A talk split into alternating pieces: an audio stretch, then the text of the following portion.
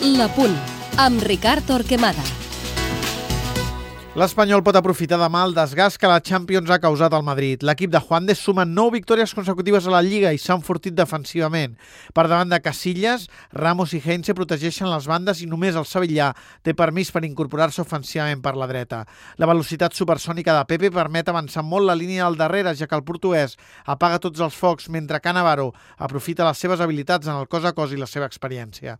A la distribució, Guti pot desplegar el seu talent i la seva habilitat com a passador amb la companyia de l'As, que ocupa molt espai i simplifica amb la pilota. A la dreta, Robben encara en diagonal o en vertical per crear superioritat numèrica amb la seva conducció. En canvi, és possible que Snyder torni a l'equip desplaçat a l'esquerra per aprofitar el xut a distància i la seva capacitat d'associació en els passadissos interiors. Al davant, l'orgull de Raül permet el futbol directe i estimula la química amb la velocitat de moviment i d'execució d'Higuaín, un rival castigat però acostumat a guanyar per examinar la reacció de l'Espanyol.